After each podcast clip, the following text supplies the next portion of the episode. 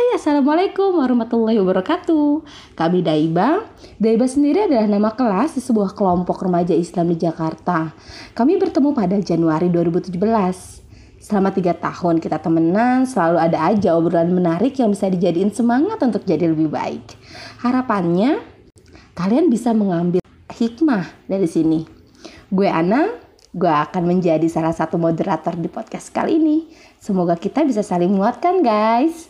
Bye-bye. Dah. Kita hijrah